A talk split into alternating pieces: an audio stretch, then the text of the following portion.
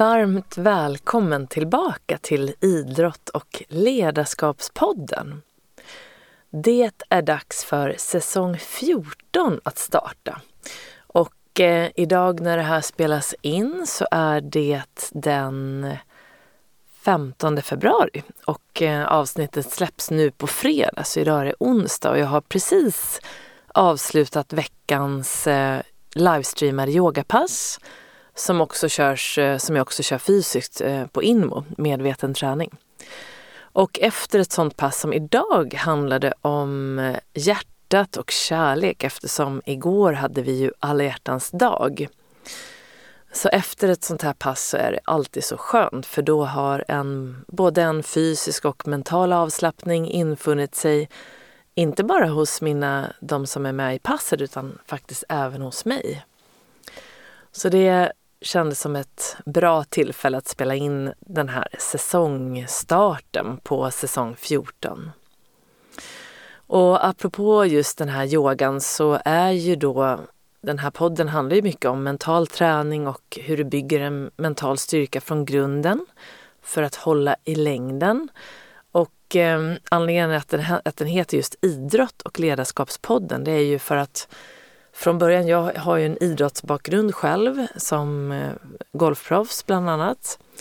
Och så har jag också jobbat som ledare i eh, näringslivet. Och eh, de här två kombinationerna blev då idrott och ledarskapspodden. För det är inom de här områdena som jag också tror att prestation har en stor del. Och sen är det ju så att den här podden handlar ju inte bara om... Den är ju inte bara för dig som är idrottare eller ledare utan ledare kan man ju också vara för sig själv i det personliga ledarskapet oavsett vart man är verksam. Man är ju kanske förälder eller som sagt är man ledare för sig själv. Men i alla fall, så den handlar ändå om att få ihop det här med välmående och prestation Eh, nycklar till framgång, lärdomar av misstag som mina kära och fantastiska gäster väldigt generöst delar med sig av. Och så delar de också med sig av det här som kallas för mental styrka eller mental träning. Hur gör man egentligen för att bli mentalt stark så att man kan hålla i längden? Mentalt stark från grunden för att hålla i längden helt enkelt. Eh, för att återgå till yogan då så är ju den första grunden i den mentala träningen som då har syfte att bygga inre och yttre framgång. Det är våran förmåga att reglera våran spänningsnivå som det heter på det mentala träningsspråket. Man kan också säga att det handlar om att lära sig bli lugn när jag behöver och lära mig bli pigg och få energi när jag behöver. Så den här grunden behövs ju då för att vi ska till exempel hantera stress och press. Ehm, och eh, avspänningsträning är då det man tränar för att, det här, för att man ska lyckas med det här. Och då är, brukar man säga att det finns fysisk och mental avslappning eller avspänningsträning. Och den här yogan som jag jobbar med, medicinsk yoga, den ger dig både och. Så att den jobbar med att släppa på spänningar där de gärna samlas och den ger också mental avslappning vilket betyder att man tränar sinnet, alltså tankarna, att få landa i nuet, alltså i kroppen.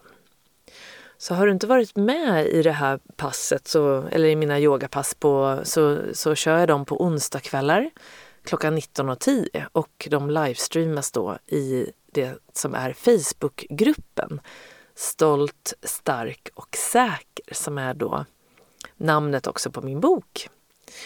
Så den kan du hitta där och eh, du betalar bara 50 kronor per gång som swishas och då kan du få göra det här passet då så många gånger du vill tills det kommer ett nytt pass nästa onsdag. Så nu för tiden så låter jag varje pass ligga kvar faktiskt hela veckan. Förut så gällde det till söndag kväll men nu är det flera som har önskat då att passet ligger kvar även måndag och tisdag. Så, och det kan ju vara en poäng med det sådär i början av veckan, eller hur? När spänningsnivån gärna kan gå upp. Så det är ett bra tips om du vill börja träna på den här första grunden i mental träning. utan att behöva tänka så mycket. Du bara är med på den här yogan helt enkelt. Och effekterna av passet hänger kvar väldigt lång tid efter passet. Så att eh, du får liksom effekter även om du nu bara skulle göra det här en gång i veckan. Så håller det i sig. Och då kommer jag till det som jag hade tänkt att ägna det här första avsnittet till, nämligen hur vi gör för att få in goda vanor och det vi önskar i våran vardag.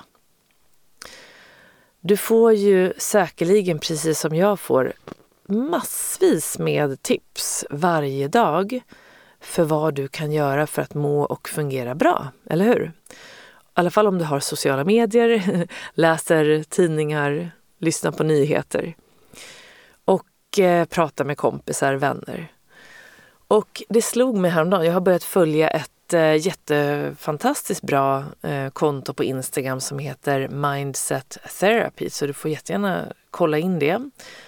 Och det här, det här kontot lägger upp väldigt bra tips kring mental styrka och jag var ju nyfiken på det här eftersom jag jobbar med det här. Så jag tyckte det var så bra. Jag började kolla på det här för bara ett par veckor sedan och skrev ner lite anteckningar efter varje tips och jag var väldigt nyfiken och pratade med kompisar om det. Jag tyckte att det var väldigt, väldigt bra.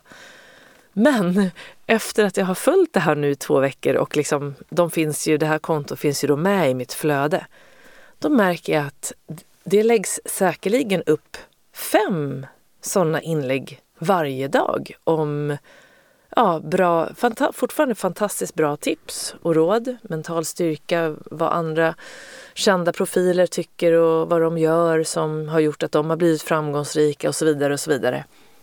Men till slut så blev jag liksom, det blev bara för mycket. Jag kunde liksom inte ta till mig mer. Och eh, då slutade jag titta för att jag tänkte det här, det måste bli en paus. För att eh, när det kommer sådär mycket tips som är bra det blir, man blir ju mättad och kan inte ta till sig det. Och så där tror jag kanske att det är. Du kanske inte mm, liksom tycker att det är, att det är, eh, att det är för mycket. Men alla vi på något sätt tror jag, vi hör väldigt mycket som är bra. Vi tycker att det är bra. Man kanske går på föreläsningar, man lyssnar på poddar. Och eh, är man intresserad så kanske man lyssnar väldigt mycket på den här typen av saker då som handlar om välmående och hur jag gör för att må bättre och fungera bättre och sådär. Och så brukar jag då, när, när det blir så här att jag känner att det blir mycket, då har jag en otroligt bra mall för hur jag ska komma tillbaka till det som, som jag själv gör dagligen för att må och fungera bra. Och det har jag landat i nu efter att ha jag tror att jag var ungefär mellan 25 och 28 år ungefär när jag blev intresserad och väldigt nyfiken på ja, mental träning, självledarskap och ja, självutveckling på olika sätt. Och på den tiden så spelade jag ju som proffs fortfarande. Jag hade precis gått ut college och det var ganska mycket som hände i livet. Jag hade en pojkvän som gjorde slut och det var liksom ja, jobb som kom och gick och lite sådär mycket som händer och det känner, känner du ju säkert igen dig i. Och eh, jag blev nyfiken och eh, sen dess har jag ju då som ni förstår läst otroligt mycket och liksom mött väldigt mycket. Jag har gått flera utbildningar och jag läser mycket artiklar och, och så vidare. Och nu då med sociala medier som har kommit in. Jag tror man brukar säga att det var, det var 2007 som i alla fall iPhonen kom in och vilket gjorde att det blev mer tillgängligt. Och sen dess har det liksom eskalerat då till hur vi använder det här och inklusive jag själv då finns ju på Instagram och väldigt sparsamt på Facebook faktiskt. Och eh, egentligen är jag själv mest på Instagram faktiskt men många är ju på flera kanaler. Men så hur gör man då för att en gång för alla liksom hitta det där egna receptet för vad just du kan göra för att må och fungera bra? Vad passar för dig? Och hur, hur tusan tänkte jag säga, hur, hur gör vi för att liksom få in det här och börja göra någonting åt det och inte bara läsa, läsa om det och prata om det utan hur gör vi för att få in det i vår egen vardag? Så att det blir till slut något som gör att vi blir hållbara och att vi faktiskt kan känna oss riktigt lyckliga, nöjda, lugna, harmoniska, det där som vi alla önskar. Och eh, det som har hjälpt mig så mycket det är faktiskt just den mentala träningen och anledningen att jag valde det var för att det fanns en så tydlig pedagogik i det här. När jag valde att utbilda mig till mental tränare och licensiera mig och liksom gå den vägen, då hade jag ju flera andra, andra alternativ. Jag kunde bli, välja att bli psykolog. Eh, jag var inne på liksom att utveckla terapidelen och det var liksom coachingdelen. Flera olika liksom inriktningar. Men det som jag gillade så mycket med den mentala träningen det var den här pedagogiken och den här träningsinriktade metoden som det är. Och att det kommer från psykologin från grunden så att vi alla som är mentala tränare har ju läst psykologi för att kunna liksom förstå de här grunderna och hur vi människor fungerar, alltså hur hjärnan funkar och hur kropp och sinne hänger ihop och sådär. Men den här pedagogiken har jag inte mött i någon annan form och nu för tiden när jag liksom läser böcker och det kan vara allt från då ledarskap eh, till eh, jag läste ju precis Atomic Habits som jag kommer prata om lite idag med James Clear som är en fantastisk bok om just det här hur vi får in goda vanor en gång för alla. Men jag märker att man kan faktiskt till slut ta in allt som du läser, allt som du liksom får in när det gäller välmående och fungerande i den här pedagogiken, i den mentala träningen.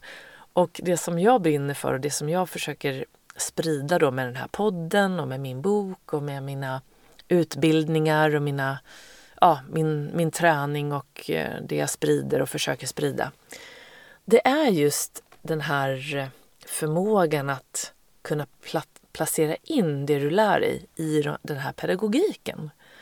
För då tror jag att du till slut har lite lättare att hitta det här receptet då för vilka få saker faktiskt som det räcker med att du får in i din vardag för att nå välmående och prestation eller fungerande där du är verksam. Och det kan vara att man, det här med prestation och fungerande, det är ju att du ska fungera precis så bra som du vill, som där du önskar. Och det kan ju vara som förälder, som ledare, som eh, kollega, som vän, som, eh, ja, ni vet, där du, än, där du behöver det. Så jag tänker, jag har ju pratat om det här tidigare, men jag tror att det är ju så här också att repetition är kunskapens moder. Och jag vet att uppföljning är också en av de här framgångsfaktorerna som gör att vi helt enkelt får in det vi önskar i vår vardag. Det är att någon följer upp och det är därför det är så bra att ha någon som du lyssnar till eller som du kanske går till i form av en coach eller mental tränare eller, eller terapeut eller vad det nu är, eller en vän. Någon som kan följa upp och hjälpa dig um, ja, kolla så att du rör dig framåt på den resa du vill vara på, på den väg du vill vara på. Så de här grunderna eller den här pedagogiken handlar ju om att man i forskningen, inte bara i Sverige från 60-talet utan långt tillbaka när man började förstå att vi människor har ett stresssystem inbyggt inom oss och att vi också har ett lugnande system inom oss som vi faktiskt som moderna människor, eller alltid har vi kunnat göra, vi kan kontrollera det här. Och nu för tiden så blir vi ju inte lika, de här systemen fungerar ju inte riktigt, de behöver inte fungera på samma alerta sätt, eller det behöver de ju när du är en riktig fara, men stresssystemet till exempel, den behöver ju, den aktiveras ju nu för tiden väldigt mycket för att vi inbillar oss saker, för att vi oroar oss för saker. Det är liksom ofta kanske inte farliga saker som händer på riktigt. Nu kan det ju vara så att du befinner dig någonstans där det är någonting som gör att det är farligt på riktigt och då är det här systemet viktigt. Men i, i, för oss, de flesta människor som lever i en idag så aktiverar vi det här stresssystemet alldeles för mycket i onödan vilket gör att vi har stresshormoner som cirkulerar runt i kroppen alldeles i onödan och gör att vi inte fungerar bra på allra bästa sätt.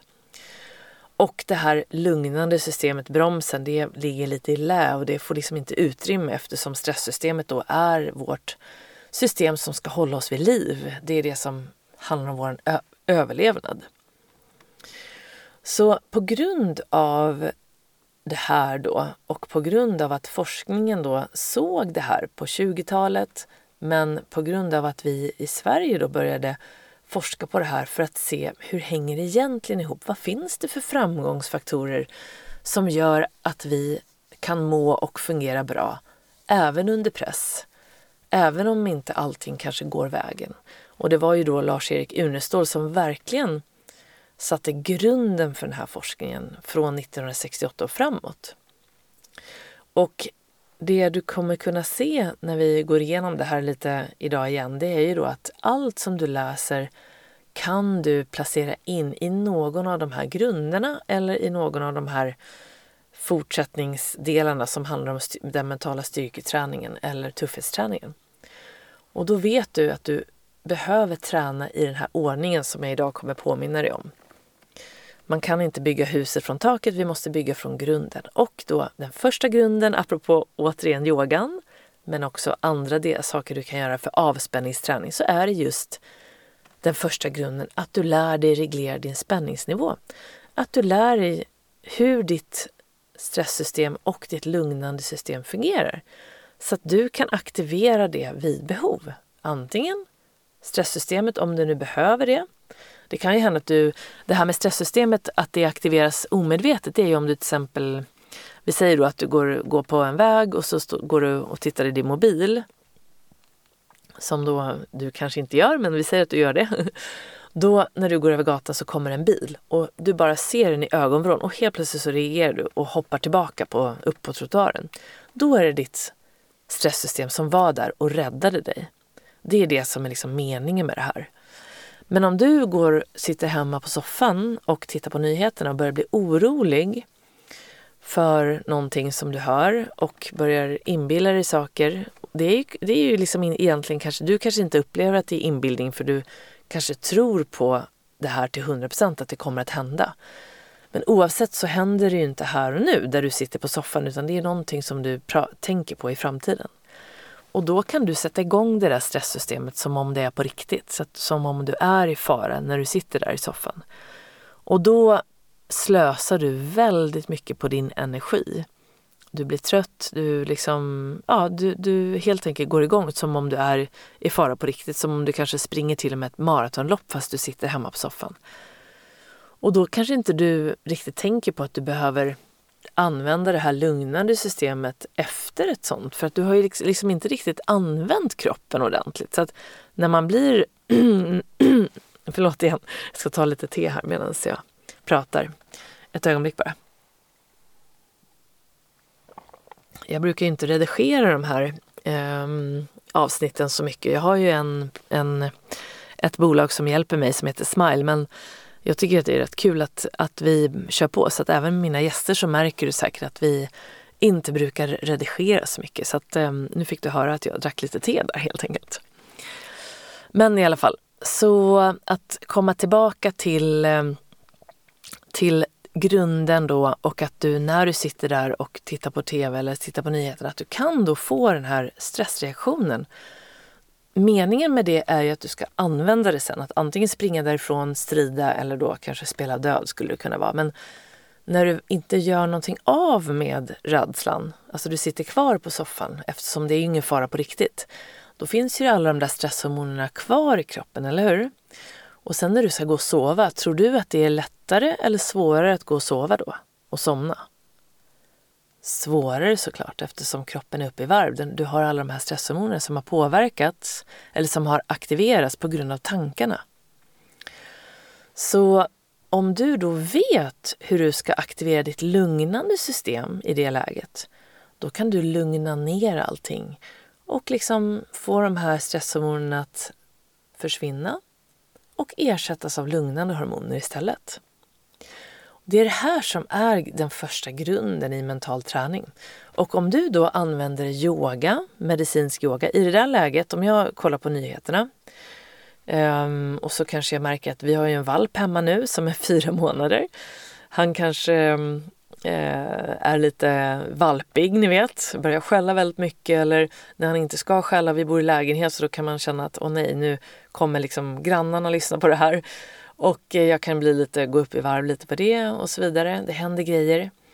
Eh, barnen vill inte gå och lägga sig och sådär. Då, när jag, om, om, det, om jag har haft en sån kväll, då när jag går in och borstar tänderna, då vet jag att nu måste jag liksom hjälpa mitt lugnande system lite extra. Så då sätter jag mig ner på badrumsmattan efter att jag har borstat tänderna. Och så gör jag tre övningar som jag gör i princip varje kväll. Och det här har jag då till slut tagit till mig från den medicinska yogan. Och det handlar om fysisk och mental avslappning. Så då sätter jag mig ner och jag börjar andas genom vänster näsborre, kanske en till tre minuter. När man andas genom vänster näsborre så aktiveras sitt lugnande system.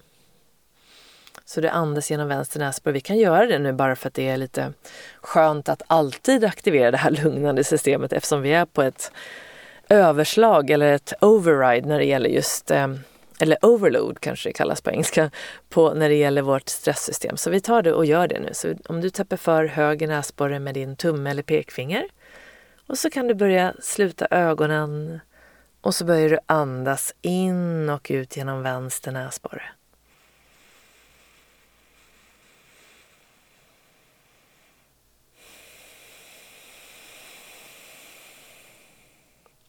Och bara fortsätt så en liten stund. Som sagt, effekterna kommer efter bara en till tre minuter.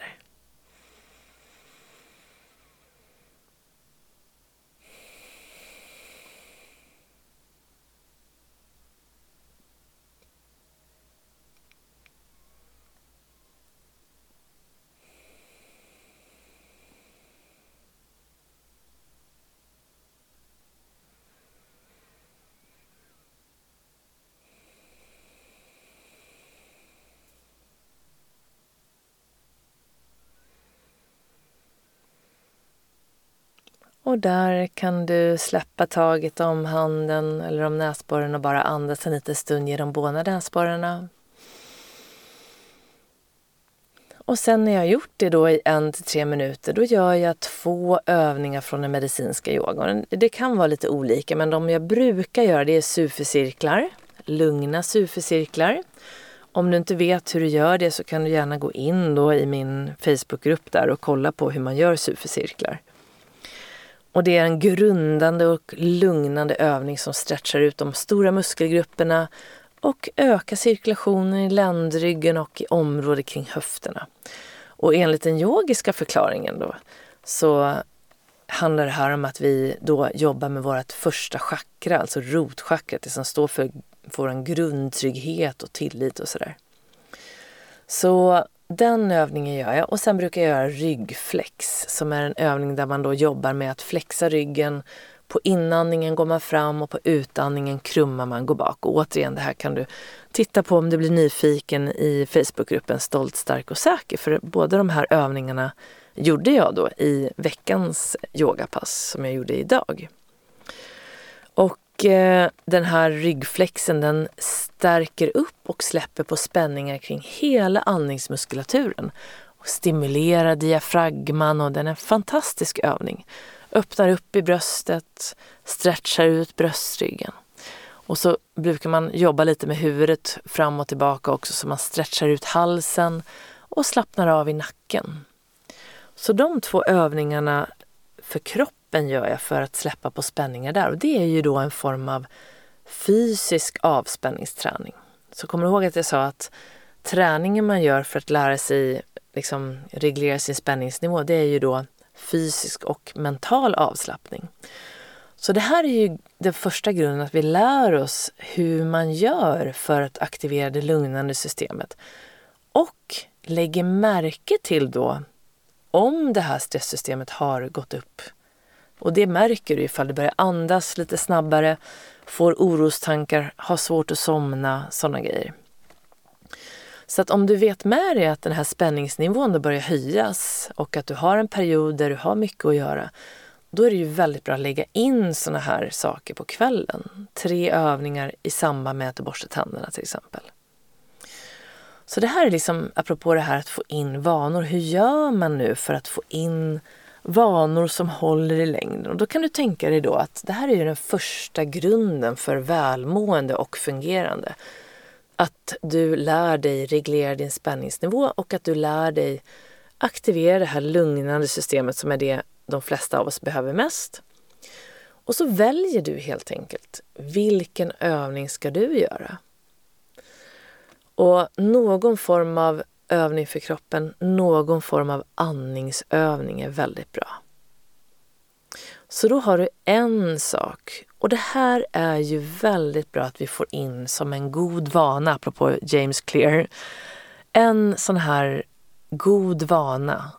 Du vet, vi är ju ett resultat av våra vanor som vi har haft de senaste åren. Goda vanor ger goda resultat. Dåliga vanor i långa loppet ger dåliga resultat.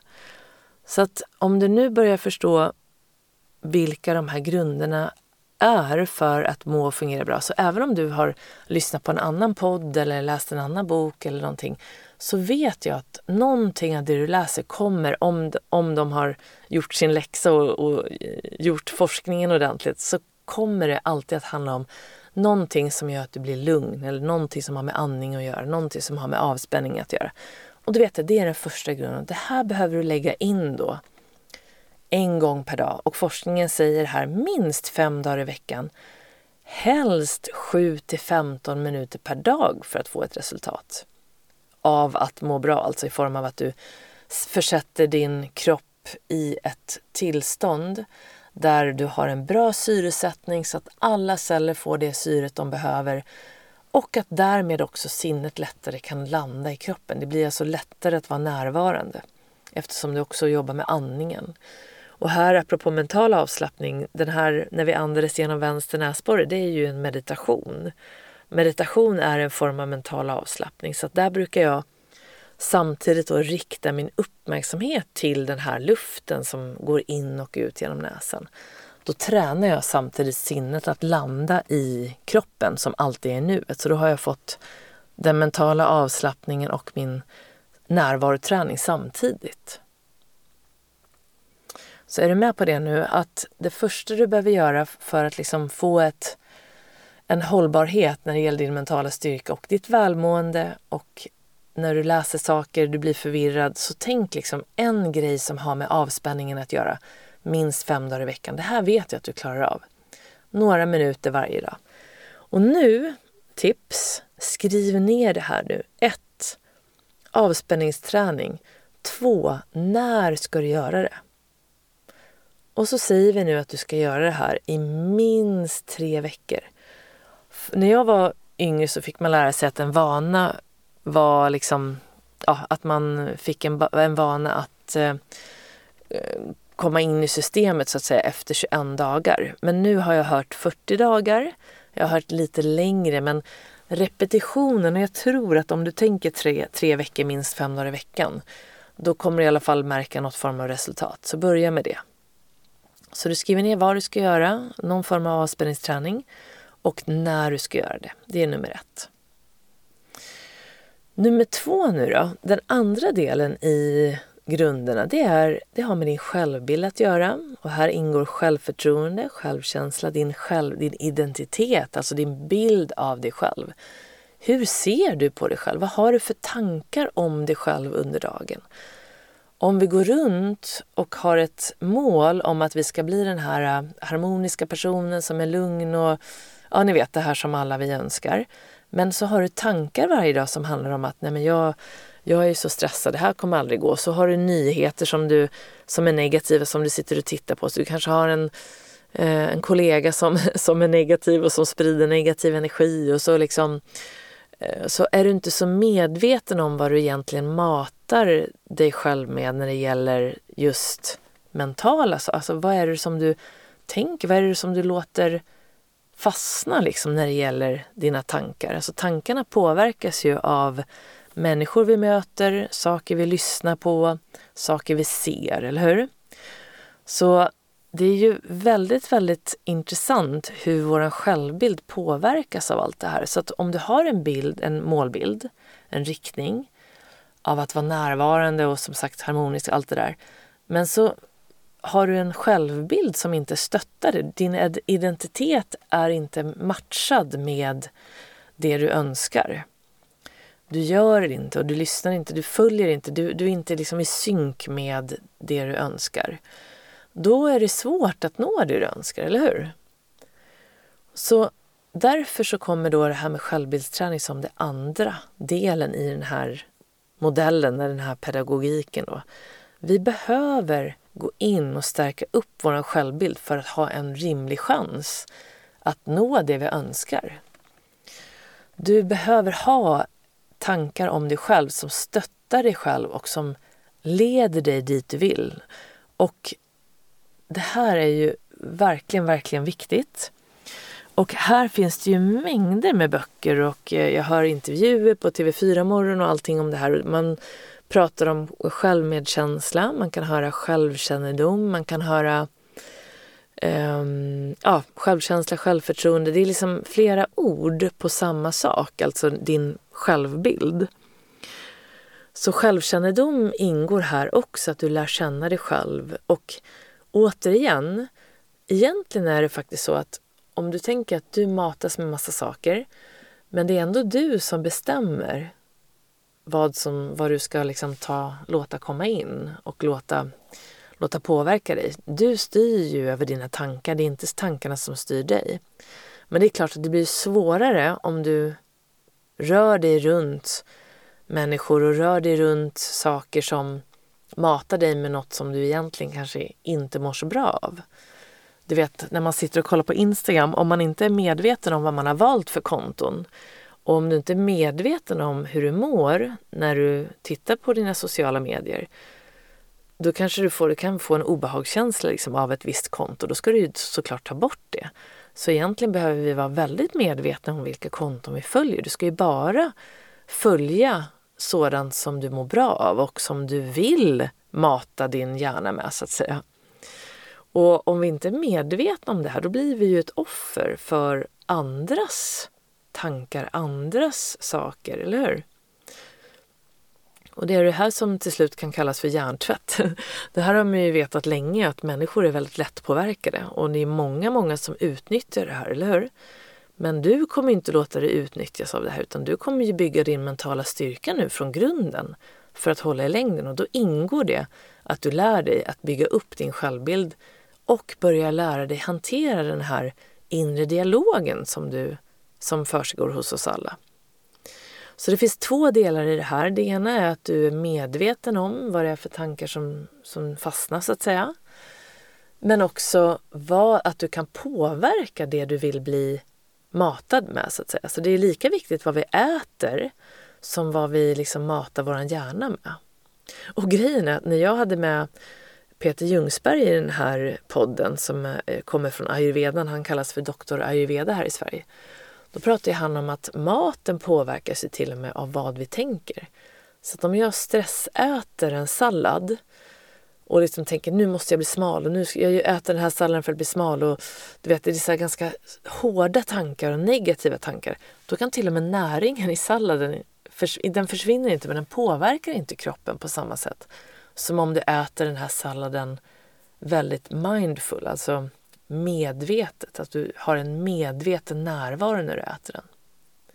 Men det, det är ju ett helt annat avsnitt om det här med maten. Men just idag då med det här med vad du matar din hjärna med. Alltså vad är det du lyssnar på? Vad är det du ser? Och vilka umgås du med och vad tittar du på när det gäller nyheter och så vidare. Sociala medier. Var lite medveten om det. Det är det ena, att du kan sortera det här och börja gärna sortera bort konton då som du inte mår bra av. Och försök sen koppla på det här med så att säga, när man bygger upp sin självbild och stärker sin självbild och börjar träna på att förstå sin inre dialog, då kommer du också lära känna dig själv. Det är det som är liksom också en effekt av den här mentala träningen. Att du lär känna dig själv. Du börjar förstå dina system i kroppen, hur de fungerar. Våra gamla, eh, gamla programmeringar som finns på grund av att vi förr länge, länge, länge, länge, länge sedan behövde till exempel det här överlevnadsstrategier. Det behöver vi idag också, men inte alls kanske på samma sätt, i alla fall inte gemene man. Att vi behöver varandra, självklart. Vi är flockdjur till exempel. Det är också någonting att bli medveten om. Vad betyder det? Och eh, att du lär dig liksom vad du mår bra av. Och du är ju en människa och en människa mår bra av väldigt liknande saker faktiskt. Och det är det forskningen här syftar till också, att det är ju någonting som är framgångsfaktorer för alla som vill må och fungera bra. Så hur stärker man då sin självbild? Ja, här kan man ju då göra såklart på många olika sätt och det är det här jag menar också att man kan läsa väldigt mycket på olika sätt. Men om man nu ska bryta ner det och börja med en enda sak och någonting som jag vet ger väldigt stor effekt och som alla ungdomar jobbar med, får börja med oavsett om de är idrottare eller vanliga, eller inte vanliga, men andra ungdomar som inte är idrottare, som är verksamma i skolan eller på andra sätt. Det är att de får börja skriva i det som heter Bra-boken. Det är liksom lektion ett i att börja bli medveten om dina tankar, om dig själv, att du börjar förändra dem när det behövs och att du också är medveten om vad du behöver hjälp med. Så den här bra-boken är då den andra saken som jag själv gör varje kväll. Och det är att man skriver ner då, och man, nu för tiden så tänker jag igenom det här, nu skriver jag inte längre utan jag bara går igenom det i huvudet när jag har lagt mig ner i sängen. Och precis innan jag somnar så går jag igenom det här. I början så är det väldigt bra att du skriver det här. För att eh, det finns en poäng med att få in det här som en vana. Och jag vill också att du ska se i efterhand när du gör det här i 21 dagar att du liksom tittar tillbaka och ser vad du faktiskt har skrivit. Och det här har jag ju nämnt förut så du kanske känner igen det, men i alla fall. Du skriver ner då tre saker som du har gjort bra under dagen och som du är stolt över och varför du tycker det. Och det här är för att även om du har haft en väldigt dålig dag så vill du liksom verkligen ta fram tre saker du har gjort bra. Det här kommer i grunden påverka ditt välmående och det här vet man ju sedan forskningen sedan lång tid tillbaka. Och bland annat var det ju Martin Seligman som myntade just det här, den här övningen att innan man somnar så skriver man ner tre saker man har gjort bra för att avsluta dagen på ett positivt sätt. Men sen har man ju utvecklat det här och lagt in också tacksamhet. Tacksamhet är ju någonting som är helt fantastiskt. Man, det är svårt att må dåligt samtidigt som du är tacksam. Så då skriver du ner tre saker du är tacksam för. Och så gör du det varje kväll också innan du går och lägger dig. Och sen kan du avsluta med att skriva ner någonting som du känner att du just nu behöver hjälp med. Och här gömmer sig då kanske någonting som inte har gått så bra under dagen. Och det är ganska skönt att liksom lämna ifrån sig det. Du vet, det är lite en sån här frihetskänsla av att men det här behöver jag hjälp med. Det är som att man accepterar att det är också någonting som inte har gått så bra. Man accepterar att det är någonting som har gått dåligt och det är ett sätt för att sen kunna släppa taget. Vi behöver gå via acceptansen för att släppa taget och för att sen kunna göra någonting åt det om det är någonting vi kan påverka. Så att, vad behöver du hjälp med just nu? Skriv ner. Och Det kan vara allt från att jag behöver hjälp med att kunna släppa taget. Jag behöver hjälp med att kunna våga säga nej när jag menar nej. Ja när jag menar ja. Jag behöver hjälp med att göra klart läxorna i tid. Jag behöver hjälp med att veta vad jag vill. Jag vet inte vad jag vill. Jag behöver hjälp med att lära mig vad jag behöver för att må bra. Och så vidare och så vidare. Det kan ju också vara att jag behöver hjälp med att sätta upp den här tavlan. Så det kan ju vara något praktiskt. Men försök tänka här att, det, att du blandar lite grann. Men oavsett så är det ju någonting som kommer dyka upp och du ska ju göra det här varje dag nu i tre veckor. Så det här blir den andra delen och då har du helt plötsligt fått in då en viktig del som faktiskt i längden påverkar din självbild positivt. Och den tredje delen då som finns här, det är det som kallas målbildsträning eller det här att ha en riktning. Och nu börjar du kanske förstå varför den kommer som nummer tre efter att du har börjat liksom fundera lite på din självbild då. Börjat uppmärksamma det du gjort bra och det du kanske behöver hjälp med. För att bygga sin, eller för att liksom förstå sin identitet och få din identitet att så att säga synka med den du egentligen är. Du vet, du är ju perfekt från början så att all, ingenting av det här handlar om att du ska egentligen ändra på någonting utan det handlar egentligen bara om att du börjar vända blicken inåt för att se det där som du redan är. Du är perfekt precis som du är. Du är ju unik, det vet du, eller hur? Det finns ingen annan som dig. Sen kanske det har lagts på massa lager och det kanske har kommit massa tankar om att du själv inte tycker att du duger som du är, att du inte är värd massa grejer som du egentligen är värd. Och du vet, man har börjat tänka massa tokiga saker om sig själv.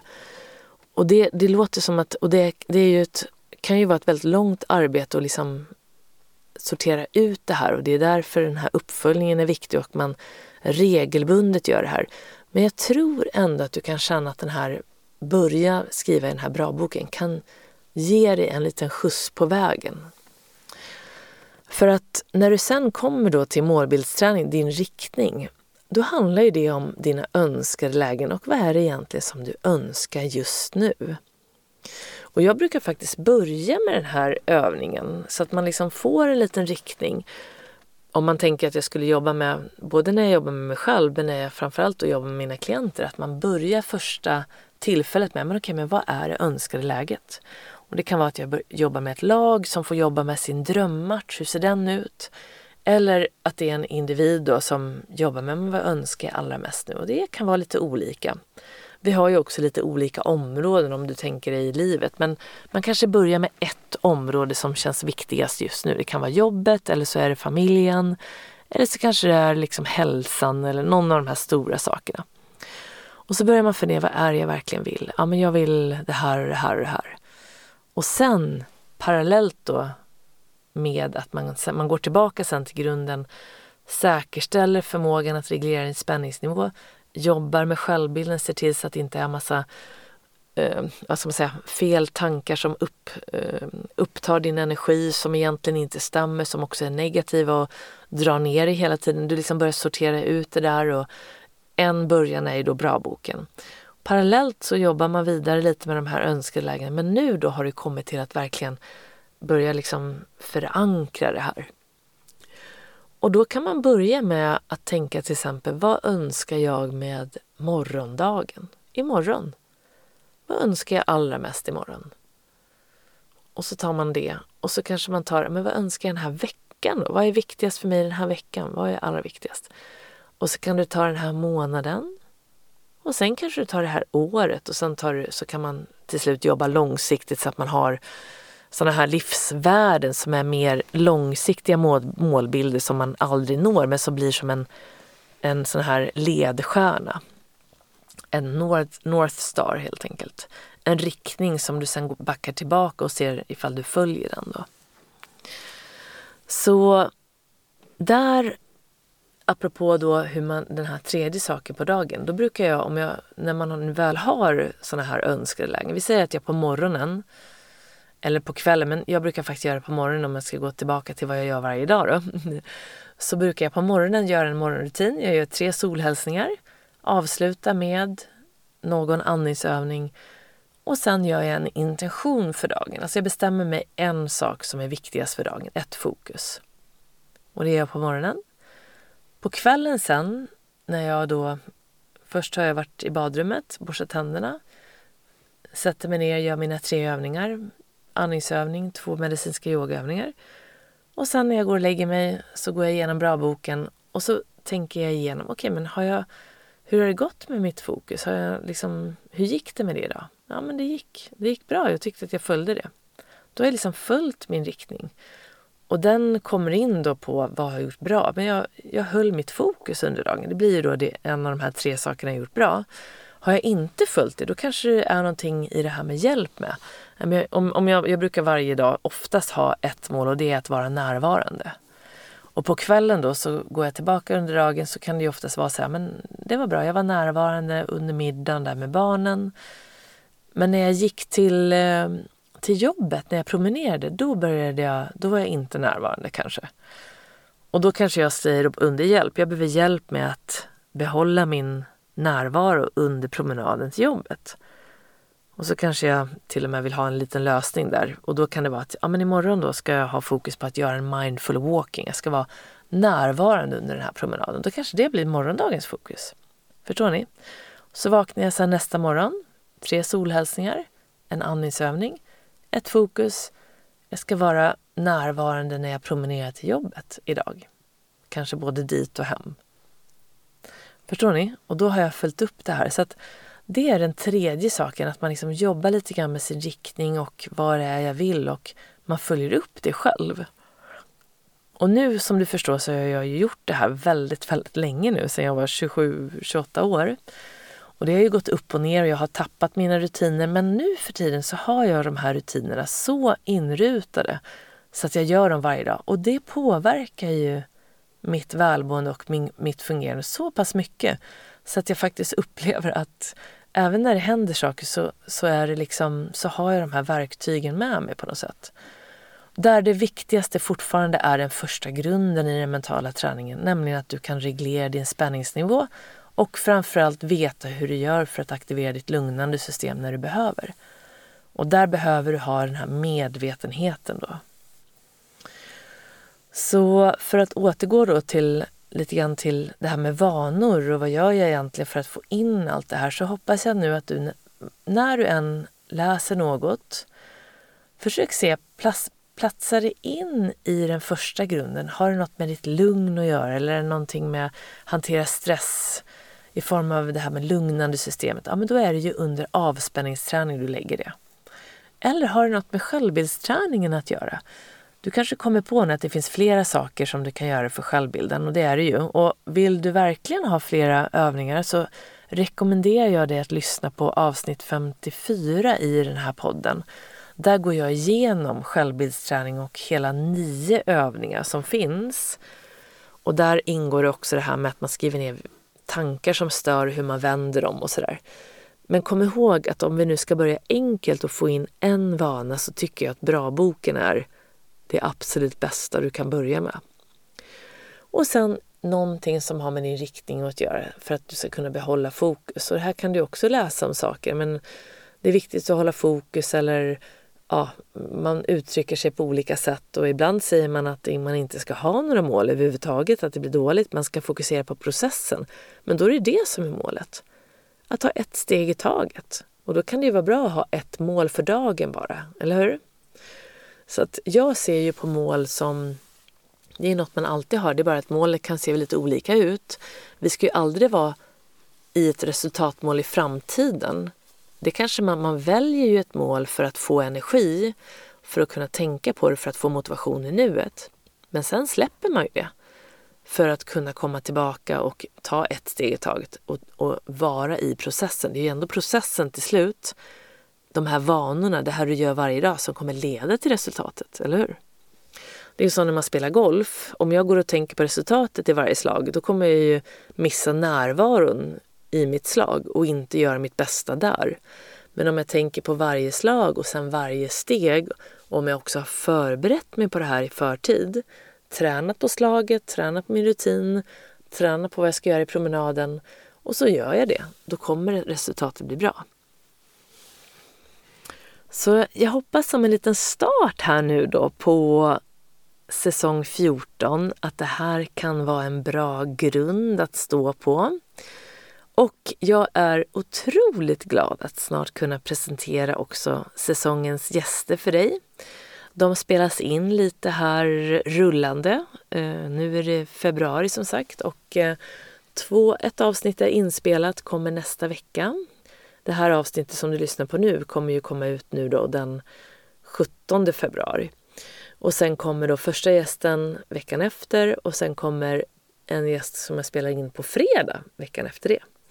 Så mer om dem framöver och jag hoppas att du tar dig tid att lyssna och att du också har penna och papper redo för att kunna skriva in då det du lär dig om det platsar in i avspänningsträning, självbildsträning eller kanske målbildsträning. Och sen nämnde jag ju här i början att sen går man vidare till den mentala styrketräningen.